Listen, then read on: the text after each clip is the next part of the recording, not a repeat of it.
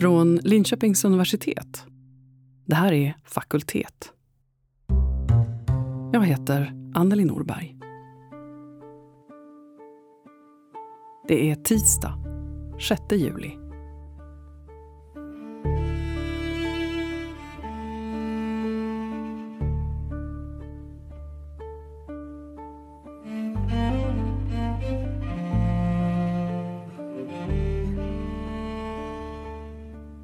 Det var tropisk värme den där natten i september 1989 när Anders Palmqvist blev pappa till Lovisa Palmqvist. Och det var då deras livslånga relation började. Han var då 35 år och mitt i livet. Idag är han 67 och har nyss gått i pension. Det är rätt tungt. Särskilt ett pandemiår när plötsligt allting stängde ner för honom. Anders saknar kunderna. Han saknar arbetskamraterna, sitt jobb, sitt promenadgäng, sitt sammanhang. Men han har en psykolog online och det hjälper. Hör Lovisa Palmqvists story om sin pappa Anders och om hans erfarenhet av terapi på nätet. Min pappa Anders. Det skiljer 35 år mellan oss.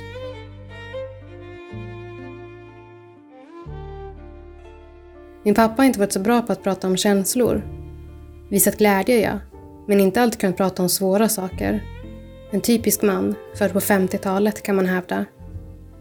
Pappa var ofta tyst och så trött. Jag märkte att han inte mådde bra. Och jag vädjade. Du kan väl berätta hur du mår? Jag själv hade tagit mig ur en depression och tyckte att det blev ännu viktigare att orka prata om jobbiga känslor. Och förresten, inte undra på att man kanske mår dåligt när så mycket ändrats på en relativt kort tid. Bara ett par månader efter att han gick i pension började viruset covid-19 spridas över världen en helt ny vardag som pensionär, mitt under en pandemi, vände upp och ner på alla rutiner och känslor och det psykiska måendet påverkades till det sämre. Till slut sökte pappa vård. På grund av covid-19 pratade han med sin psykolog online. Hur känns det? Känns det konstigt att sitta i sitt hem och få terapi? Eller känns det kanske som en trygghet till och med?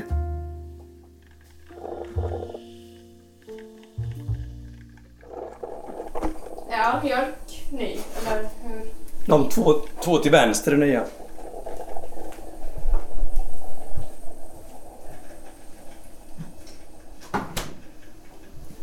Har du tänkt att jag sitter här? Ja. Nej men nu har ju jag... ja du sitter här ja. ja just det. Men du får ju sitta där om du vill. Jag Nej. byta... Var du satt dig där förut? Men det var till dig. Nej, det är till dig. Det är till dig. Ja.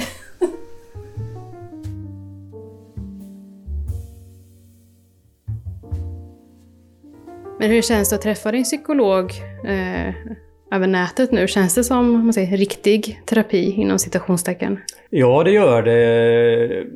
Jag tror att vanan och kunnandet hos båda parter har nog ökat under året som har gått nu då tack vare coronapandemin då så, så har man fått förfina hela det här sättet att bemöta kunder och patienter då. Och jag tycker att eh, ibland har vi haft några tekniska tillkortakommanden som har varit eh, snabbt fixade och så här men eh, generellt sett så funkar det väldigt, väldigt bra. Nu vet inte jag om det beror på att eh, jag har en viss teknisk vana. Mm. Jag har varit van vid sådana här typer av möten och annat och i mitt eh, yrkesliv då så att jag har inga problem med vare sig uppkopplingar eller andra saker då och eh, det kanske underlättar. För då när du jobbade, du arbetade ju som säljare innan du gick i pension. Mm, Och har ju sålt IT, eller hur man uttrycker det. mm. Eh, och jag tänker mig att då när du var säljare så du jobbade mycket ute på fältet, eller man ska uttrycka det. Du var ju ute och Vi pratade med bara med kunder. uppsökande verksamhet. Ja. Ja. Mm. Så där tänker jag också då hur det... Alltså då när, du har haft ett helt yrkesliv. Jag tror du sa, är det 40 år du har jobbat? Det Inom- är det ju. ja. Mm. Ja, att, då, att det har varit så bundet vid det personliga mötet att ses. Mm. I och för sig på 80-talet var det väl inte möjligt att eh, liksom ses över en skärm. Nej, Men, det eh, fanns inga skärmar då. Men jag tänker, liksom, hur, hur känns det nu då att du har eh, ett så oerhört personligt möte med en psykolog? Du saknar inte det fysiska? Jo, det kan man nog göra i, i vissa lägen. Eh, jag tycker väl eh, ändå då att, att det finns väl inget som slår ett, ett fysiskt möte egentligen. För att det kan ju vara saker, ett, ett, ett spel mellan två, två eller flera människor som kan vara svårt kanske att plocka upp via en skärm om någon reagerar på ett visst sätt eller någonting sånt där då. Så att jag tycker ju att det fysiska mötet eh, trots allt är bättre. Men... För nu är det på grund av pandemin Ja, det. som ni har era Mm. möten Ja, det är det. online. det, är det, det, är det. Men jag känner, tänker, hur eh, känns det att sitta hemma i huset och ha...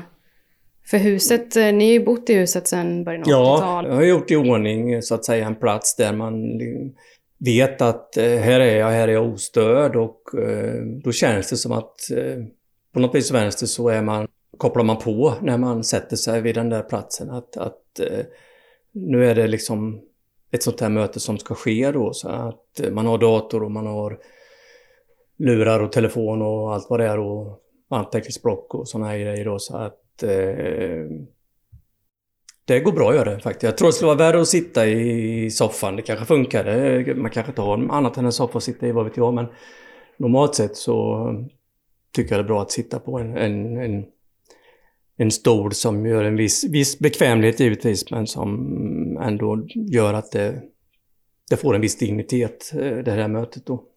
Så så brukar jag göra. Känner du att det kan bli ett privat samtal då, eller går du in i din yrkesroll då? Eller hur? Nej, det är ju privat i så till att eh, terapeuten har ju en plan för det mötet den dagen, just då och så vidare. Så att eh, de frågorna leds ju ifrån honom då så att eh, nej, det, det ser jag inga problem med.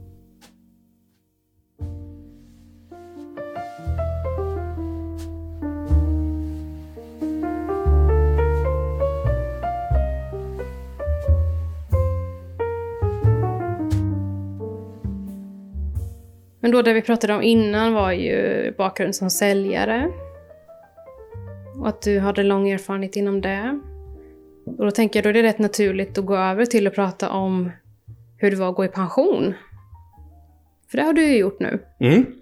Hur det kan kännas, eller hur det känns. Eh, jo, det kan ju vara lite tudelat. Eh, jag tror att eh, det är väl inget unikt för min del utan det är nog lika för eh, alla som kommer till den insikten att nu är det dags så att säga då. Och eh, historiskt sett så tror jag nog att eh, förr inom citationstecken då så eh, var det väl så att eh, när man gick i pension då var man liksom färdig med yrkeslivet på något sätt eh, i många fall då att man liksom var utsliten kanske i kroppen och trött och, och allt det här. Och idag är det lite skillnad. Eh, eh när man har den pensionsålder som vi har nu då så är man kanske inte slut i kroppen beroende lite på jobb givetvis eller yrke.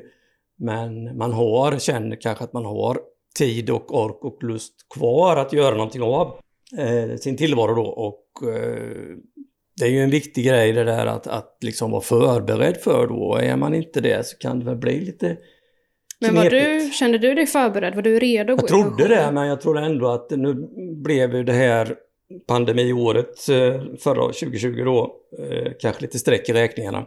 Eh, I, i så töj att man fick en, ja, andra saker att ta hänsyn till så att säga. Att, att förverkliga andra drömmar eller vad man ska kalla det då.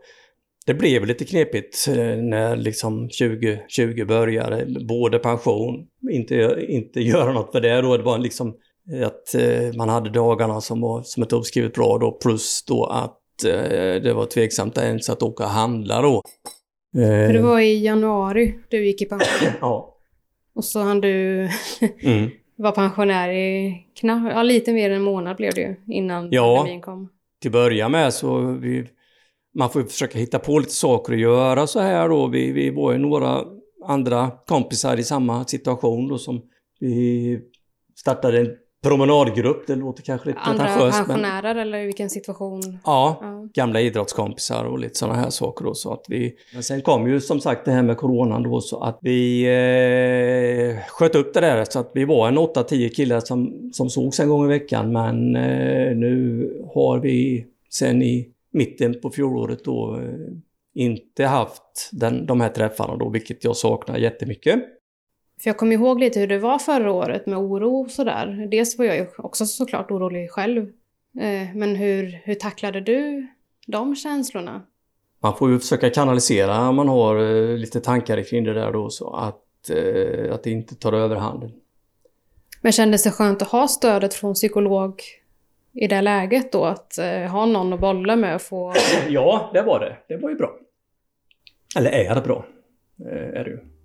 För då var det ju även... Eh, redan då var det ju online, även med den Mm, psykologen. Mm. Hela 2020 var online. Man skulle kunna tro att terapi online är någonting nytt. Någonting som vi snabbt fick börja med på grund av coronapandemin. Men så är det inte. Det här är en utveckling som har pågått de senaste 20 åren. Gerhard Andersson är professor i psykologi vid Linköpings universitet och en av världens kändisforskare, om man kan uttrycka det så. Han tillhör nämligen den där enstaka procenten av forskare i världen som citeras allra, allra mest. Vi var ju väldigt förberedda när det här hände. Därför att vi hade ju redan coronasäkra behandlingar. Eh, jag har kollegor i forskarvärlden som i princip inte har kunnat forska nu på ett år, mer än ett år. Va? Därför att de, det bygger, deras forskning bygger kanske på att man ska observera barn eller man ska gå in på skolor. Och, ja, och det har ju varit väldigt svårt. Men vi kunde faktiskt fortsätta som vi har gjort förut. Vissa ändringar har det faktiskt inneburit. Så ta exempelvis sådana här KBT-internetprogram. De bygger ju på att man ska göra saker i sin vardag. Man kanske ska komma igång lite med vänner och aktivera sig. Det kan vi ju inte skriva hur som helst eller säga. Det måste ju anpassas utifrån situationen. Så där har det faktiskt haft betydelse. Men för dig är det här som sagt inte någonting nytt. Ni håller på i 20 år. Ja, att man kan ge folk tips och råd och behandla på distans, det visste vi sedan tidigare. Och det, om man ska lyfta någon fördel med det så är just det här med tillgänglighet. Om du vill träffa en riktigt duktig psykoterapeut, ja det kanske du kan göra ute på landsorten, men det är ju betydligt mer sannolikt om du bor i en storstadsregion eller i en universitet. Ja. Så det, här, det är inte riktigt lika vård och lika tillgänglighet. Och det här med att kunna få till det, att ta ledigt från jobbet och fixa barnpassning för att åka in och träffa sin, sin terapeut eller behandlare. Ja, en del människors liv ser inte ut så att det går. Och för dem har ju det här med internetbehandling kunnat vara ett väldigt bra alternativ och komplement till andra insatser. Samtidigt som det finns de som absolut måste träffa någon, eller där det är bäst att träffa. Sen finns det de som det kanske är tvärtom för som inte skulle funkat så bra med att komma in i ett terapirum på en psykiatriklinik eller något sånt, men däremot faktiskt klarar det och trivs med att ha den här integriteten, eller vad man ska kalla det, att inte behöva bli patient i sjukvården. Och att det fortfarande är ett stigma där. Jag, Tyvärr ja, absolut, det är det. jag vill inte söka upp en terapeut, för det, det har jag, känner jag ingen som har gjort innan. Mm. Mycket också har jag märkt efter att ha jobbat med många olika områden, att det här med stigma som du nämner och det här med kanske skam och pinsamhet, det ser lite olika ut. Man tycks ha lite lättare att säga att man har gått in i väggen och att det har varit mycket på jobbet och mycket stress. Det kan man säga. Men när vi gjorde studier om ensamhet så slogs, slogs jag av det här att det var som att man skämdes lite för det. Va? Att för det är lite upp till en själv att säga att man är ensam. Och det är ju ett stort problem i samhället. skrivs mycket om. Men man vill inte gärna beskriva sig själv som att man är en person som har hamnat utanför och känner sig ensam. Har med, det är någonting jag skulle kunna göra någonting åt. Ja men absolut, och att det är mycket upp till dig själv. Liksom ditt egna ansvar och sådana här saker. Liksom. Eh, kanske. Är det här med terapi online någonting som faktiskt passar KBT-terapi bäst? Eller? Ja, eh, det var ju så vi började och det, det är ganska logiskt. Om man tänker sig kognitiv beteendeterapi som ju bygger ganska mycket på att prova och testa saker, lära sig förstå hur det hänger ihop. Vad händer i kroppen vid ångest och så vidare. Ganska mycket uppgifter eller utmaningar och saker man ska utmana sig själv ut i livet. Och som jag sa här då, att föra över det till text är inte kanske så jättesvårt om man tänker efter. Det kan vara lurigare där mindre strukturerade samtalet där man letar lite efter vad som har hänt tidigare i livet och som man inte kanske är så medveten om från början. Hur gör man det på nätet? Men faktum är att vi har faktiskt gjort så kallad psykodynamisk internetbehandling där texterna då, eller i materialet, bygger på sån teori och sånt tänkande. Att man har lite låsningar tidigare i livet som man tenderar att upprepa. Och man, när man förstår sig på de här låsningarna, eh, då kan man då hitta ett bättre liv. Och, och det funkade faktiskt ganska bra, eller väldigt bra. Så vi har provat lite olika sätt att jobba. Eh, mest av nyfikenhet faktiskt. Men vad kan du säga om effekterna? Om man jämför online-terapi och, och eh, mm. ansikte till ansikte terapisoffan. Mm. Nej, men, eh, ett tag var jag väldigt blygsam, eller väldigt många år. Jag, sa jag lovar mig själv att jag ska alltid säga att det är ett komplement och inte en ersättning. Så att det inte uppfattas som att ska vi bli arbetslösa nu? Typ. Alla terapeuter protesterar. Men nu har vi så pass mycket forskningsstöd att det nästan blir larvigt att säga att det inte är lika bra, för det är ju det.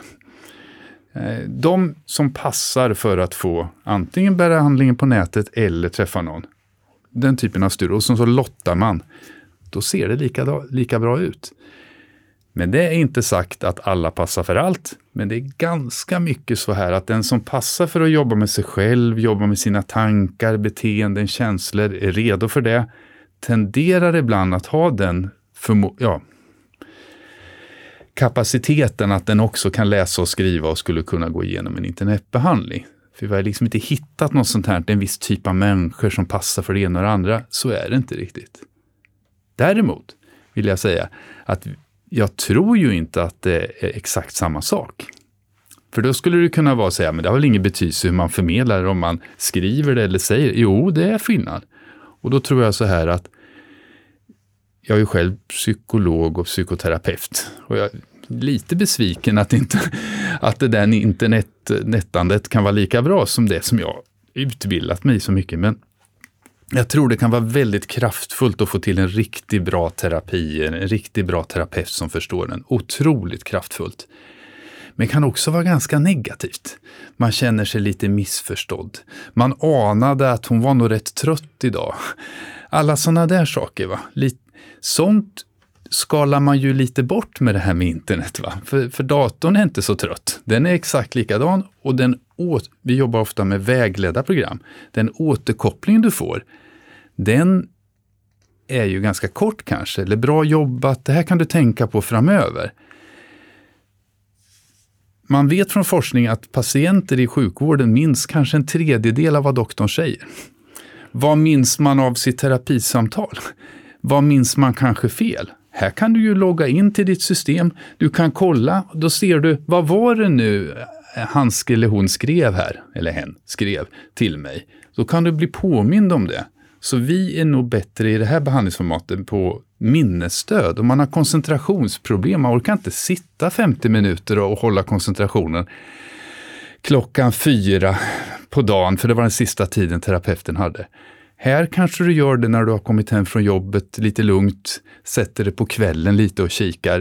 istället för att se en Netflix-avsnitt så kollar du in din internetbrowser och tänker det här ska jag prova imorgon. Liksom. Så jag tror vi vinner en del, men vi kanske tappar en del på det här ja, kraftfulla som kan bli i mötet med en terapeut. Och då blir det ju ett nollsummespel, men inte av samma anledning. Så det är min gissning. Kan du säga någonting om varför det funkar så bra just för KBT då? Ja, jag har tänkt mer och mer på det här att eh, det finns ju förstås diagnoser som depression och finns eh, social ångeststörning och liknande. Men vad det faktiskt är fråga om är ju problem som människor har. Och, som man har, eh, och då ska man känna igen sig i det, i, i det som beskrivs i kanske programmet då. Man ska känna sig förstådd och kanske få lite tips hur man ska kunna lösa, åtminstone lära sig att hantera det om det är så, de problem man har. Så det är kanske ett svar på din fråga. Varför kan det här funka? Jo, man har en del problem och man får faktiskt en del lösningar. Ibland visste man redan om det, men man hade inte riktigt modet att göra det. Väldigt mycket är det ju en fråga om i KBT, att förstå hur det hänger ihop och sen ta sats lite och våga gå över en tröskel och göra det där som man eh, har, är så liksom rädd och skraj och tycker det är så obehagligt. Så det är ett exempel eh, varför det kan funka. Mm. Funkar det även lika bra på sikt? Ja, eh, vi är så forskningsflitiga va? så att det, det, det, vi har hamnat i den här väldigt konstiga situationen att det finns otroligt mycket undersökt när det gäller just internetbaserade behandlingsprogram runt om i världen. Alltså tre, kanske 400 kontrollerade studier. Vi har långtidsuppföljningar upp till fem år. Det, man måste förstå mina äldre kollegor, psykoterapiforskare. Hur lätt var det att få ta på folk efter fem år för 30 år sedan? Det var inte så jäkla lätt. Nu är det ju människor, bara man har ja, och förstås i, i, tillstånd etiskt att göra så, så kan man kontakta människor. Människor är mycket lättare att få kontakt med och tillfråga, kan du tänka dig vara med i en uppföljningsundersökning? Och datas kvalitet, om man får prata lite tekniskt här, liksom de information vi samlar in, är ju mycket mer strukturerad och ordnad än vad den var förr i världen. Så därför så kan vi ju göra det eh, på det sättet och har gjort. Och då ser det bra ut. Men vi behöver ju förstås fortsätta. En del mår ju dåligt igen, va? så ser det ju ut. Man kanske får hjälp ett tag och så är man bra något år och så kan man ju hamna i en svacka i livet igen. Eh, men man är lite vaccinerad ändå, på tal om vaccin här eh, och coronatider. Därför att har man då gått en sån här KBT-behandling, jag tänker nu på våra tonåringar som vi har gjort studier på. Tänk en tjej, kanske 17-18 år, som går in i sin första depressionssvacka i livet. Det är väl ganska bra att få med sig en del kunskaper och hur man ska göra om man hamnar där igen. För tyvärr är det ju ganska stor risk för det. Va? Jag menar, man, vi vet ju just med exempelvis depression att Många har bara en sån svacka i livet. Men eh, några, ganska många har två eller tre. Och då vet vi från forskningen att andra gången sen, om man då har fått bra behandling, då kommer man tillbaks lite snabbare. Och den blir inte riktigt lika tung som den skulle vara om man var helt oförberedd eller om man, man får säga så, om man bara hade haft läkemedel. För det funkar ju bra, men man lär ju sig ingenting av det, mer än att ta en tablett. Så att där har vi en liten fördel och i vissa fall kanske man ska ha bägge, vill jag på, påpeka. Så att det, ja, jag, tror det ligger någonting i det där. Återigen kunskap, lära sig och veta vad man ska göra om man mår dåligt. Mm. Men ni måste väl ha sett skillnad också på unga människor som är väldigt vana med internet, vana att göra allt online, och äldre? Ja. Vad kan du säga om det? Vi har ju faktiskt jobbat med alla grupper och vi har precis nyligen nu haft en psykologexamensstudent som har sammanställt. Eh, vi har tittat på data då från depressionsstudier här. Och allt då från tonårsstudier till äldrestudier. Det är alltså två, tre, två och ett halvt tusen människor eller vad det nu är som är i den undersökningen. Och jag trodde nog så. Att det skulle vara lite sämre för tonåringarna och lite sämre för de äldre och bäst för de där i mitten. Men så var det inte. Det är ganska jämnt. Va? Eh, Eh, så att, eh, men de här behandlingsprogrammen de anpassas ju och det är nog extra viktigt för tonåringarna faktiskt. Att det anpassas lite efter deras sp språkbruk och kanske lite mindre texttungt, kanske lite mer bilder utan att det ska se superkommersiellt ut, för det kan man reagera på. Eh, och så vidare. Så korta att, filmer kanske? Filmer, ja, korta filmsnuttar och liknande. Eh, ibland så har vi fel. Vi, jag har ju en jätteduktig webbmaster i mitt, eh, i mitt forskarlag. Eh, som en duktig kille från Rumänien som kan programmera och gör massa bra saker. Och då fick någon doktorand en idé om att vi borde ju ha videochatt i systemet. Då kan inte vi använda Skype och sånt där. Då måste det ligga säkert krypterat i vårt system. Så då fick han ju jobba med det för att lägga in det. Sen var det dags för en studie tonårs, tonåringar, nästan bara tjejer ska jag väl säga. Ja, det brukar vara så. Och så sa vi, gav vi dem möjligheten antingen att chatta med text eller video. Och det var, jag tror det var två som ville ha video. Det är väldigt intressant va? Vi suckade lite då, men nu finns det ju där. Och jag tror kanske det är en annan sak för andra grupper. Det som gör det här lite spännande det är att det är ganska mycket psykologisk behandling, psykoterapi nu, som man kan läsa om och som görs reklam för. Och då är det ju videoterapi, att man alltså sitter och har någon, inte chattterapi. Det har, eh, det har ju fått en riktig boost nu i samband med corona, ska vi säga. Det är nog mer det än de här eh, självhjälpsprogrammen som vi har jobbat med, eh, faktiskt. Eh, man kan väl säga så här, om vi visste att det var oerhört mycket bättre med videochatt jämfört med textchatt, då skulle man ju vara skyldig att uppmuntra det. Men nu har, det kan vi inte säga att det är. Så att eh, om, det, om textchatt är det de föredrar, då kanske man ska gå på det.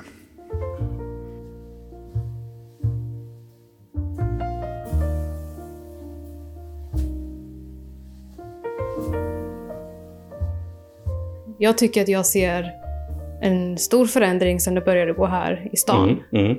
Att det känns som att det har klaffat mer. Det är ju ett samspel emellan eh, vårdtagare, vårdgivare vad man ska säga då.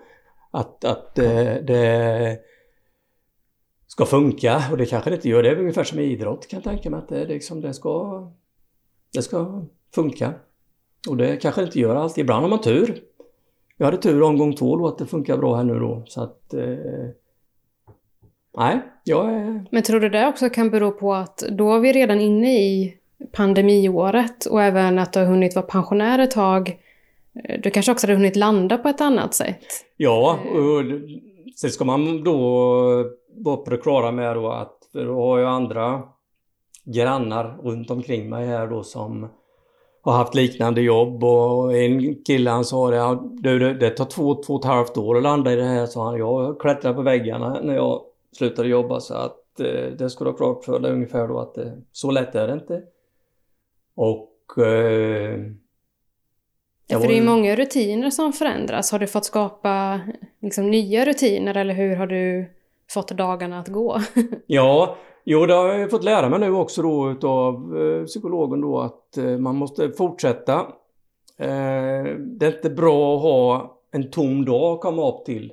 Utan man ska, och det hade jag ju vana vid från jobbet och det kanske, det har väl de flesta att man liksom Imorgon ska jag göra det här och det här och det här och det kan man ju mycket väl sätta på en lapp eller någonting då. Vad kan det liksom, vara för saker? Ja, du, du, du behöver inte vara... Jag ska inte säga att du ska skriva att du går på toan, det låter lite fjöntigt, men eh, att du liksom ja, åka och handla. Du ska göra det, du ska göra det. bara för att man ska göra det. Eh, strukturera upp dagen då. Men jag funderar också på igen, um, um, när man sitter och samtalar med psykologen online.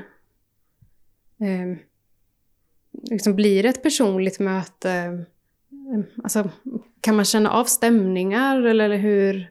Eller är det som du sa att, äh, att psykologen har ju liksom en plan? För Han har en, eh, en, ett körschema för varje... Eh, det funkar så att man liksom... Han har ju vissa saker han har, tänkt sig prata om för varje möte då, och går man igenom det där vad det nu, det kan ju vara allt möjligt men men och sen om man har några problem med vissa grejer, om det är någonting man vill dryfta, ta fram och så här så går vi igenom det och, eh, och sen får man i regel någon uppgift att lösa till nästa gång. Vad liksom kan det då, vara? Nej, det kan det ha varit alltifrån att föra en dagbok över vad man mm, gör eller inte gör. Och sen eh, om det är något man har liksom skulle vara drabbad av några fobier av något slag om, om som man ska liksom eh, kanske exponera sig för och sånt här då man ska försöka göra det och det och, och så frågar han hur det har gått något och så här då. Så att, eh, och sen eh, stämning överhuvudtaget. Eh, det har aldrig varit tal om att det ska medicinera något men om det skulle varit skit med det mesta om man vill gå och gräva ner sig någonstans då kanske det borde läge med någon piller eller något men det har, det har det aldrig varit då i mitt fall. Men det, det är sånt måste han ju också liksom få lite feeling för. Men känner du att du kan öppna upp dig när det är ett liksom, online-möte? Ja, det gör man ju utifrån. Det är ju väldigt viktigt att hans frågeställningar är rätt eh, ställda eller gjorda så att det ställs ju stora krav på, på eh, psykologen, det tycker jag. Och även ert samspel tänker jag med. Och sen att... samspelet också då lite att det liksom eh, ska flyta på ett bra sätt då. Det gör det. Du nämnde tidigare att man kan få lite hemläxor, att kanske göra, men, föra dagbok och så vidare. Eh, när, vid de kontakter jag har med psykologen och där då så, så trycker han ofta på då att man, man ska liksom eh, att ring den och den, du gör det, gör det. Jag hade uppgifter i början då eh, i höstas att, att liksom den här veckan måste du ringa till två personer varje dag eller någonting sånt där då och, och att man liksom verkligen tog sociala kontakter då. Eh, och det kändes ju att det var ju också viktigt. Ring den och den som inte du har pratat med på länge. Ta kontakt med en gammal kund och fråga hur de mår. Ring och önska god jul och gott nytt år. Eh, och lite sådana här saker då. Så att eh, försökte ju göra det där och det kändes ju väldigt bra då. Jag tror att alla, alla behöver det på något sätt. Men har du fått några fler hanteringssätt? Ja, det finns ju vissa kallade tricks kanske, eller om man ska uttrycka det, hur man kan förhålla sig om man får besvär av ångest och sådana här saker då. Det är ju inga hemligheter, det står ju överallt att läsa om det, utan det är ju att lära sig att andas på ett, ett, ett visst sätt eh, för att lura hjärnan då att, att saker och ting inte är så allvarliga som det kanske verkar. Lite sånt sådana grejer har vi ju pratat om hur man kan eh, förhålla sig då till, eh, till det här då. Jag funderar på, eh, vi har ju pratat om meditation tidigare. Ja. Funkar det för dig eller hur känns det eller hur? Jag fick ju tips om ett par, tre appar. Jag har provat en del, hittade någon som jag tyckte var hyfsat okej okay då, men flera är och det är väl fel på mig kanske då, jag vet inte. Men jag, jag klarar inte av att höra en väldigt lugn och släpig röst som säger att man ska göra en viss grej och så blir det tyst i 20 sekunder och då fattar man inte och tänker man att jaha, gick det sönder nu eller vad har hänt? Och så blir man, jag, liksom, jag kan inte, jag klarar inte det, det måste hända grejer lite snabbare. Så att eh, jag sa det att eh, det där var nog inget för mig direkt. Men sen hittade jag Eh, någon sån här eh, på nätet då som jag tyckte var rätt så okej okay då där man kunde göra vissa övningar då och lite sånt här då. Kan vi inte kolla vad det var för något? Du pratade ju om Soundcloud. Ja, just är det. Är det den? Ja, det är ju en, en, en, ja. Stresshjälp var väl någonting då, men då är det ju andningsövningar. En som är tre och en halv minut och en som är sex minuter. Men kan vi inte bara köra igång då? Jo, visst. Placera båda fötterna på golvet Sträck på överkroppen och huvudet så att du får en rak men inte spänd hållning. Slappna av med axlar och mage. Men den här är väl ändå rätt behaglig och pedagogisk? Ja, den, den, de här funkar. Den här ska jag börja göra. Ja.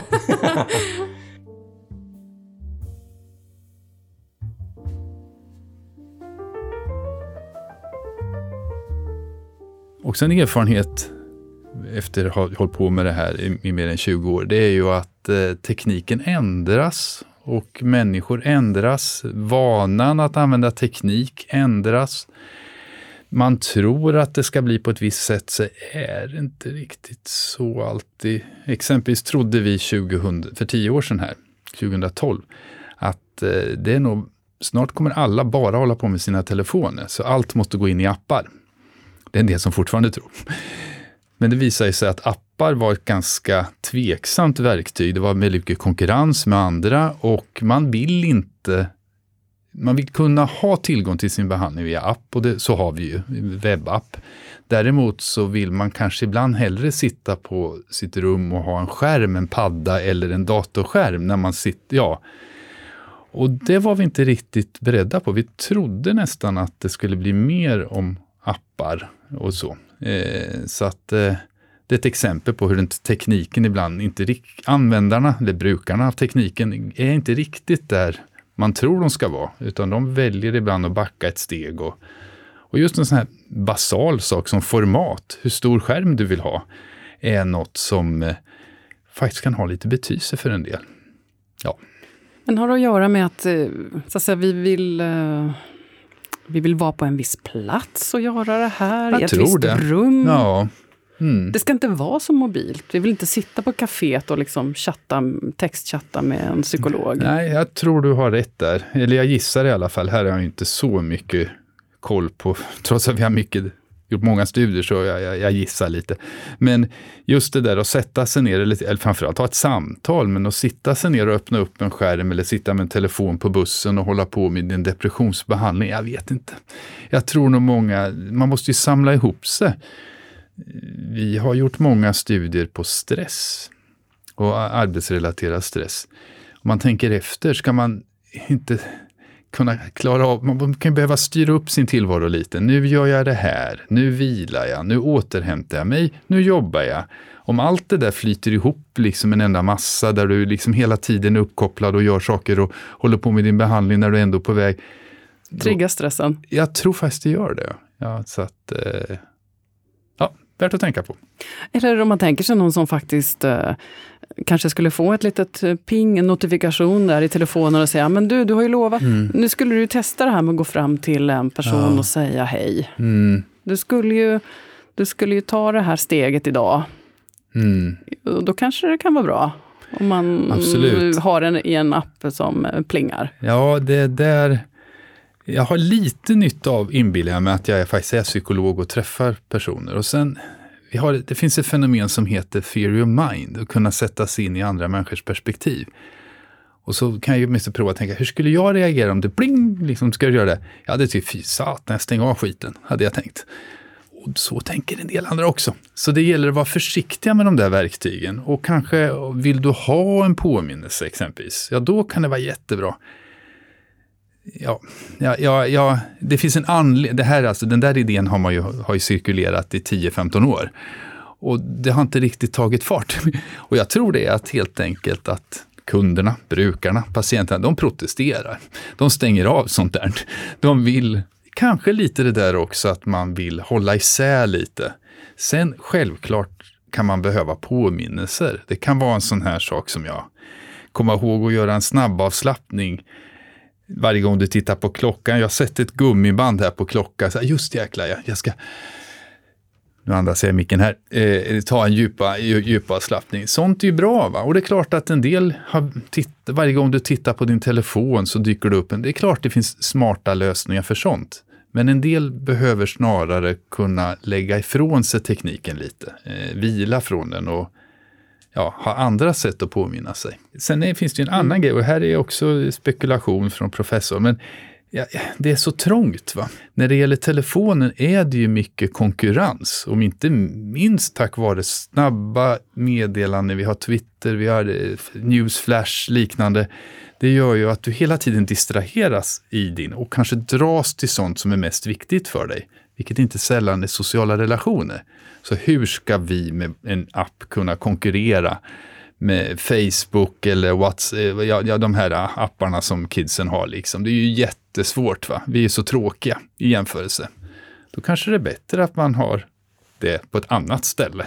Så får telefonen brusa på där med all social interaktion som man ägnar sig åt där. Vad säger du, är den här, eh, är den här terapisoffan på väg ut?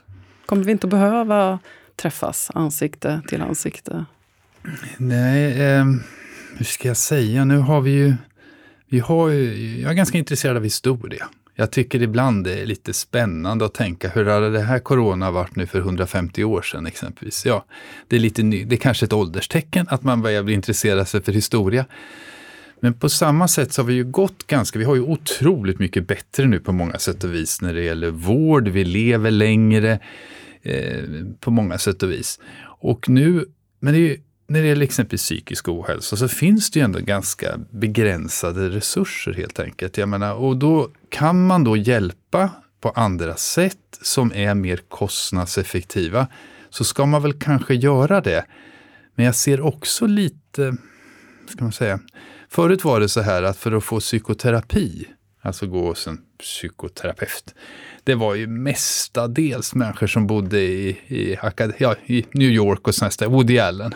Eh, välbeställda människor. Visst, det kunde finnas undantag på vissa ställen, men de allra flesta ja, tänkte ju inte så. Va?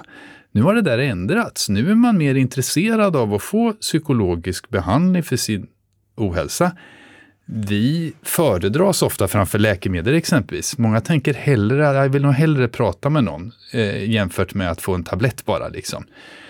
Men då räcker vi ju inte till. va.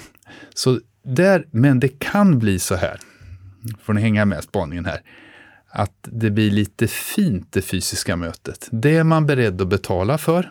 Är det någonting nätet har kännetecknats för så är, av, är det gratis kolla musik, kolla filmer, allting. Det är otroligt svårt. Visst, du kan ha någon prenumerationstjänst liksom, men man förväntar sig att det är gratis. Om tidningen kostar, då går du till någon annat sätt att få dina nyheter som är gratis. Och det, det ligger lite problem med det där i också då är att, eh, inte kanske för oss som forskar, för vi, där är det ju gratis, men man betalar med sin tid kan man väl säga som deltagare. Då. Man hjälp, fyller i enkäter och ja, så vidare. Men sen när det kommer ut sen då, så, så där tror jag, det tror jag vi kommer se i företagsvärlden också. Va? Att de, de lite finare mötena de blir i realtid, men mycket det andra får gå sen på via, via digitala medier. Va? Och om man inte kan vända det så att man börjar ta betalt mycket mer för digitala tjänster. Och jag har varit förvånad över att sådana här företag som Zoom och allt sånt där, att de inte börjar ta lite mer betalt de kanske har så stora, stor kundkrets nu att de får jättemycket, gör enorma vinster. Men det är ju anmärkningsvärt billigt om man tänker efter att eh, ersätta. Och varför ska man ha ett kontor för om folk kan sitta hemma? Du sparar jättemycket pengar för ditt företag om du stänger ner kontoret, har ett sånt här företagshotell du hyr in det ibland ja, jag hoppas jag fel, men det kan nog bli så att det är lite finare, det blir ett fysiskt möte. Liksom. När, samma i politikens värld, då kommer man att träffas, men det, så att det blir en gradskillnad där. Och det kanske är synd, men jag tror nog så eh, faktiskt. Det personliga mötet blir exklusivt. Det blir, det, det blir exklusivt och det man är beredd att betala för. Ja. Kommer det att gälla, tror du, även för um, som vänskap? Familjerelationer? Ja, wow, ja, det vet jag inte hur mycket. Jag tror vi människor är, är det någonting vi människor kännetecknas av så är det att vi är intresserade av människor. Det, det faktiskt har betydelse för psykologiska behandlingar. När vi jobbar med tankar exempelvis, vad är det man brukar ha tankar om? Jo, det är andra människor. Väldigt, väldigt mycket om sig själv i relation till andra. Så vi är oerhört intresserade av varann och får också ut väldigt mycket av varann. Eh, så jag allt från idrott till ja, kurser på universitetet och liknande. Och det ser vi också på universitetet att studenterna vill nog gärna träffa varann. Visst, det går bra och det kan vara skönt att slippa åka in till föreläsningssalen, men man, de flockas ibland ändå, trots corona, eh, för att de vill så gärna, vi, vi lär oss så mycket av varann, så ska jag säga. Så jag tror inte alls att det fysiska mötet kommer att nedgraderas och allt blir digitalt. Eh, vissa saker kanske, och kanske just det här med resandet. Jag har rest jättemycket. Va? Jag var ju i princip utomlands en gång i månaden under flera år. Liksom. Och nu corona, till, han har blivit trött på det till och med. Och så blir, inträffar corona så tänker jag, saknar jag åka till Holland en gång i, veck, i, i månaden? Nej, det gick ganska bra utan det också. Och det är kanske lite nyttigt med tanke på att det här höll på att bli lite för mycket resande för möten som kanske lika gärna skulle kunna gå digitalt eh, faktiskt. Ja. Men om vi har en framtidsspaning då just när det gäller terapi online, eh, om vi ser på det sättet. Vad kommer att vara online och vad kommer att vara som möte då? Ja, lite tror jag man kommer att få gå. Jag tror mycket på blandformer faktiskt. Eh, det har vi också testat, det kallas för blended treatment. Och även om det kanske inte är så, som vi har sett, det är oerhört mycket mer effektivt sådär, så är det kanske det man vill ha. Och jag tänker på det här eh, att man kanske, när man har jobbat digitalt nu exempelvis, så kanske, har, eller med telefon som jag har gjort, då har det känts mycket lättare om jag har pratat med en patient innan, träffat några gånger. Då kan man lätt gå över till det digitala. Så det är ett bra exempel på det. Och det tror jag kommer att komma mer och mer. Så en spaning är att eh, jag hoppas att eh, inte bara psykologer och terapeuter utan all vårdpersonal hitta, använder sig av de här som ett komplement och ett sätt att eh, ge en bättre service till mm, patienter och ja, vad det nu kan vara. Så det tror jag kommer att ske. Det kommer att gå gradvis, men det, det, man kommer begära det. Vad har du för nätprogram då, liksom, kommer man fråga psykologen om. Sen när det gäller forskningen, då är det ju... Det, förut har det varit så här att vi har, säg paniksyndrom. Det är en jättejobbig sak att ha panik. Hur gjorde vi när vi började forska om det för 20 år sedan? Ja, vi tittar på hur gör man när man träffar en patient? Vad finns det för behandlingsprogram vi kan översätta till internet?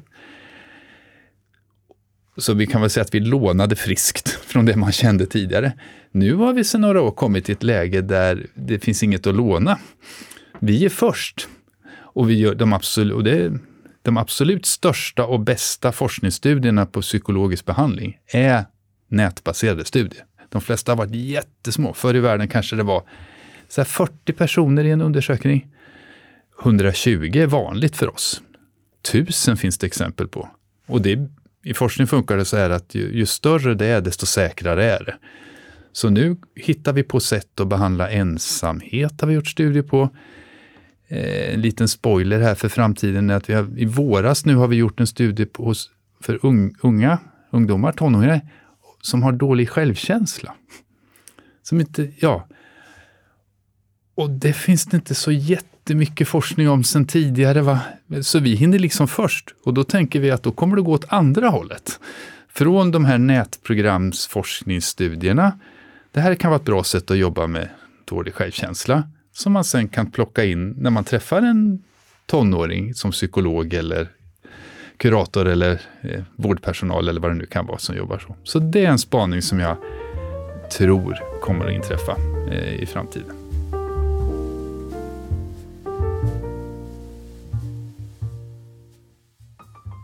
För nu har du ju gått till en psykolog, mm. men, men känner du att att det finns en förväntan från oss anhöriga att du på något sätt ska kunna uppvisa alltså att, alltså en, en bättring i måendet? Eller känner du att du och din psykolog att ni kan jobba i fred? Nej, vi jobbar i fred. Jag känner inga, ingen press ifrån hemmiljö att det ska... Det är väl nog mer ifrån mig själv i sådana fall. Att det är väl lite årstidsbundet med, med eh, Kommer vi in i den ljusa årstiden och, och det här då blir saker och ting lite lättare man kan vara i sommarstugan och man kan vara ute och så här då så att det, det spelar in. Och... Men är det saker som får dig att liksom slappna av och må bra? Ja, det är det. Mm.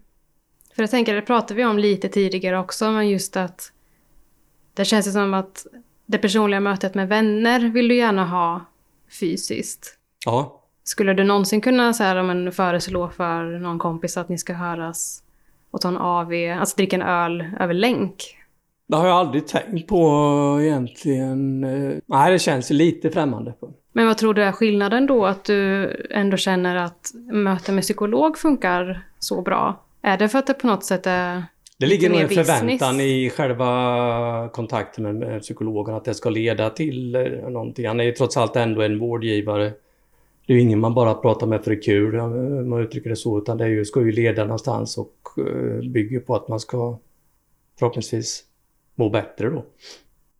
Sen kan det ju ha...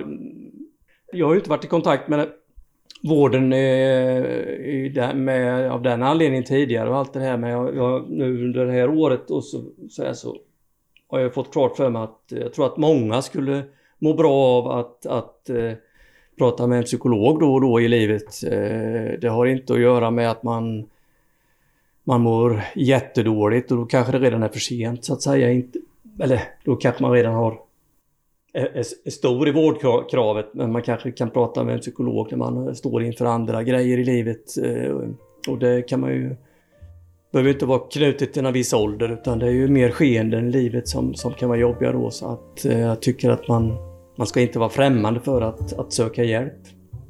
Absolut inte.